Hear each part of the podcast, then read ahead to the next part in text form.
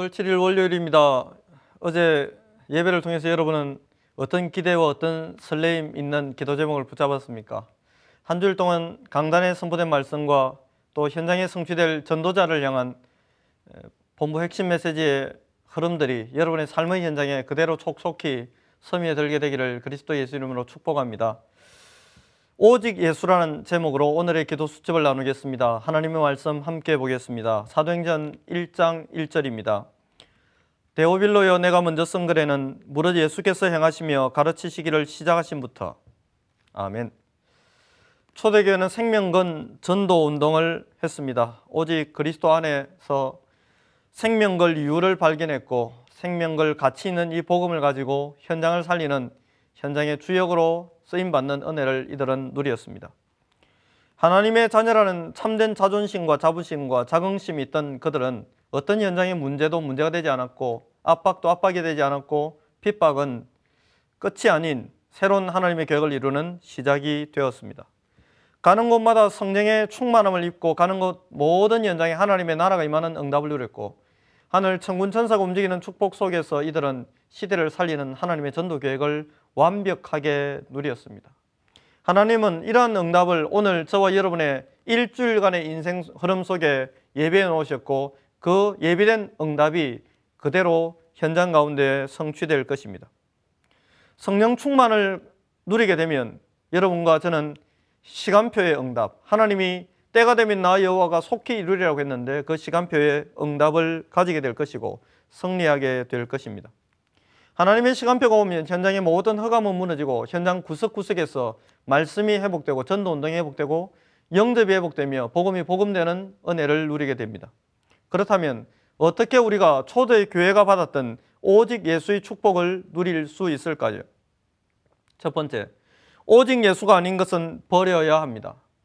바울은 자기가 지금까지 많은 것들을 가졌다고 고백합니다. 난지 7일 만에 할례를 받고 그가 베냐민 지파요. 가말리엘 문화에서 배웠고 문화적으로 언어적으로 그런 많은 것들을 얻었습니다. 로마의 시민권까지도 얻었습니다. 10년 전까지만 해도 한국에서 미국 시민권을 얻었다고 그러면 대단한 부러움의 대상이 되었습니다. 마찬가지입니다. 로마 시민권을 가지고 있었습니다. 그러나 그는 이 모든 것이 배설물로 여긴다고 했습니다. 배설물 정도가 아니고 해로 여긴다고 했습니다. 쉽게 말하면 독처럼 여긴다고 그는 고백했습니다.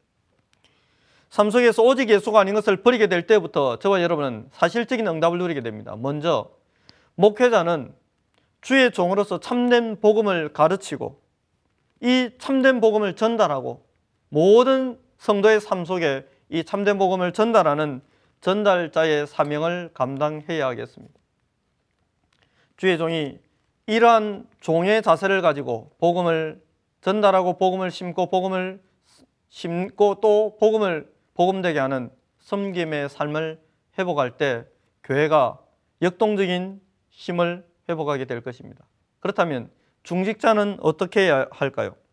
중직자는 교회의 모든 구성원들을 이해하고 섬길 수 있어야 합니다. 이러한 이해와 섬김 속에서 중직자는 성령의 인도를 받게 될 것입니다. 왜 저렇게 할까가 아닙니다. 그 사람 입장에 서서 한번 기도해 보십시오. 그 사람 입장에 서서 한번 생각해 보십시오. 그 사람 입장에 서서 한번 다시 돌이켜 보십시오.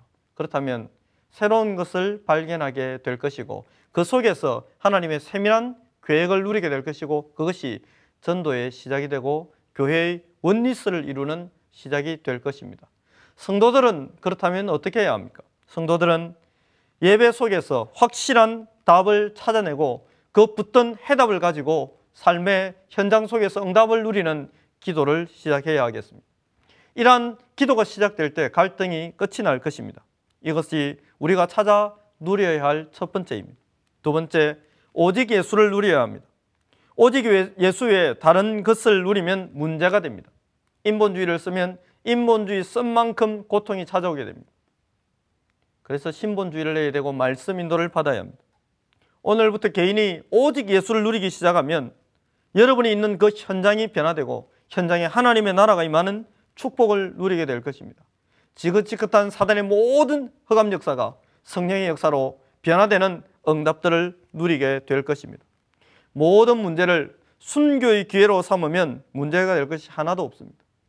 일사가고 정말로 죽겠다는 각오를 하고 복음을 붙들고 오직 예수가 되면 현장의 모든 사단의 강한 진은 꺾이고 멸하게 될 것입니다. 이렇게 될 때 모든 것은 축복의 발판이 됩니다.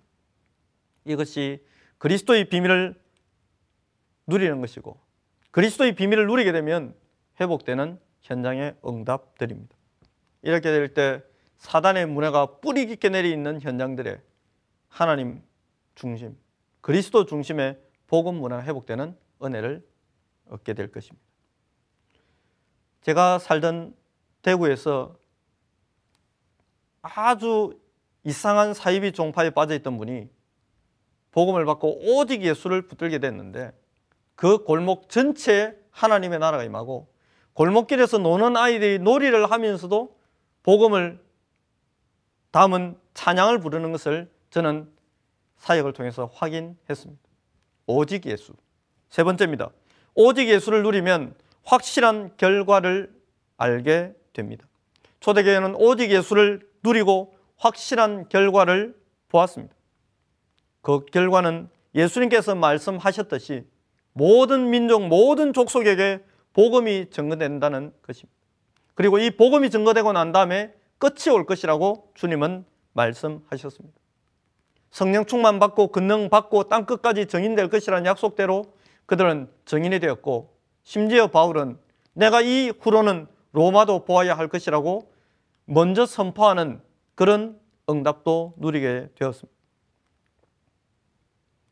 여러분의 인생의 끝은 무엇입니까? 궁극적인 지향점은 무엇입니까?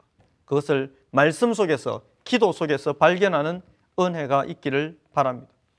오직 예수. 이것은 광신도들이 하는 이야기가 아니라 현장을 알고 나의 과거를 알고 나의 실존을 알고 정말로 그리스도가 없으면 안 된다는 사실을 알고 영접한 모든 사람들은 오직 예수가 될 수밖에 없습니다. 오늘의 포럼을 나누겠습니다. 오늘 나의 현장과 그런 가운데서 어떻게 오직 예수를 행복하게 누릴 수 있을지 묵상해 보세요. 혹시 오직 예수를 누리지 못하게 방해하는 걸림돌이 있는지도 깊이 묵상하고 예수 그리스도 이름으로 기도하기를 시작해 보세요. 참된 묵상의 응답 속으로, 참된 묵상의 축복 속으로 들어가는 은혜가 있기를 바랍니다. 묵상의 주제는 오늘 하나입니다. 오직 예수입니다. 기도하겠습니다. 그리스도 아니면 안 된다는 답을 얻고 예수를 그리스도로 믿고 영접한 우리에게 오늘 오직 예수가 되는 시작이 되는 복된 날이 되도록 역사하여 주옵소서. 방해하는 모든 사단의 근세와 불신앙을 꺾으시고 우리와 함께 하시는 예수님의 이름으로 기도합니다. 아멘.